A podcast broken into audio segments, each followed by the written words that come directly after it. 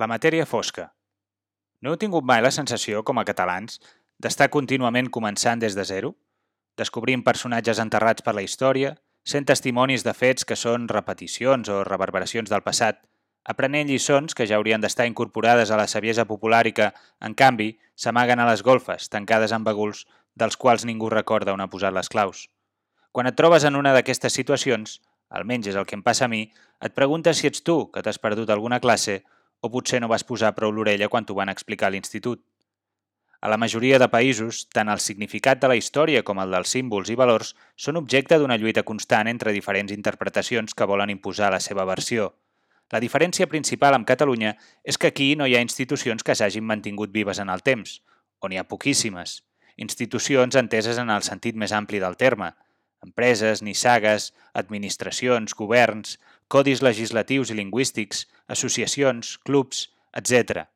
Una de les missions de l'ocupació és precisament evitar l'aprenentatge sobre el funcionament del país que transmeten les institucions duradores.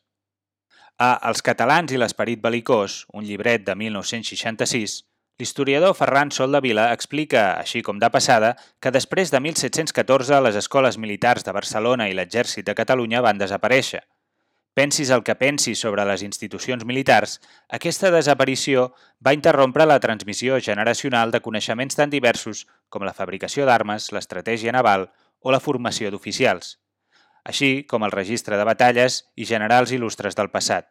És només un exemple sobre la pèrdua d'informació que comporta la falta de continuïtat en les institucions. Tanmateix, hi ha una altra sensació que corre al costat d'aquest estar començant des de zero contínuament – és la plenitud de copsar alguna figura històrica o alguna institució perdudes a la llum de l'actualitat, ni que sigui de forma passatgera. S'assembla molt al sentiment de trobar un avantpassat que, d'alguna manera, aconsegueix fer-te arribar un missatge sobre tu o la teva família que encaixa amb una intuïció que havies tingut i que fins llavors era poc més que una ombra. Aquesta setmana he topat amb una idea que il·lumina aquesta altra sensació. La matèria fosca intel·lectual. Diu Samo Burja que es pot fer un paral·lelisme entre la matèria fosca de l'univers i el pòsit intel·lectual que ens envolta sense fer-se explícit, ocult. En el camp de la física, una teoria per explicar per què les galàxies s'han format o es mouen de la manera que ho fan és que contenen una gran quantitat de matèria invisible. Els càlculs dels científics diuen que existeix vora un 85% de matèria fosca, detectada per les seves emissions electromagnètiques. Com a exemple de matèria fosca intel·lectual, Burja menciona que de tots els autors de l'antiga Grècia en coneixem poc més que un 13%, i d'aquests només ens ha arribat un escàs 6% de tota la seva obra escrita. Una mostra d'això seria que hem recuperat els textos sobre política d'Aristòtil, però no sabem gairebé res del que va escriure sobre economia. Un altre cas significatiu és el disseny de motors de coet, que després de l'auge dels anys de l'exploració espacial va caure en l'oblit. L'any 2013, Jeff Bezos, el fundador d'Amazon, va recuperar dos coets espacials Apollo 11 del fons de l'oceà. Pel que es pot deduir d'alguns testimonis, Bezos ja tenia en ment, quan la fundà el 1994, que Amazon seria una catapulta per iniciar més tard una companyia de tecnologia espacial, però va ocultar aquest propòsit en els plans a llarg termini de l'empresa, en el que seria un altre exemple d'informació invisible, però present en el medi. Segons Burja, hi ha tres tipus de matèria fosca intel·lectual, la perduda, com en el cas dels autors grecs, la propietat intel·lectual i el coneixement tàcit. La propietat intel·lectual és tota aquella informació que pertany a una institució, la qual en manté el monopoli i la custòdia per via de l'obscurantisme o de restriccions legals. El coneixement tàcit és el que no es transmet de forma escrita, sinó per l'aprenentatge directe. El cas del perruquer, que només podrà perfeccionar la seva tècnica tallant cabells, en seria un exemple. Els protocols socials que s'utilitzen en l'exercici del poder també serien formes de coneixement tàcit, que s'aprenen mitjançant la imitació i la pràctica. Quan la transmissió de coneixement falla, és molt difícil entendre la societat on vius.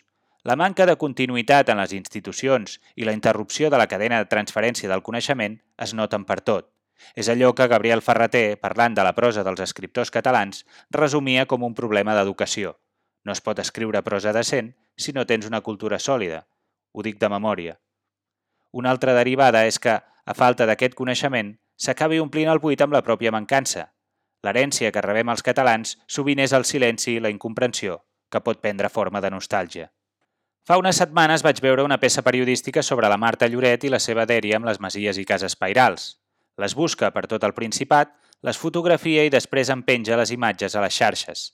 entre Instagram i Twitter, ja té més de 45.000 seguidors. L'èxit de la seva afició implica que el concepte de matèria fosca intel·lectual té dues vessants. Per una banda, bona part de les masies que retrata estan buides i, per tant, hi ha tota una manera de viure que s'ha extingit amb elles.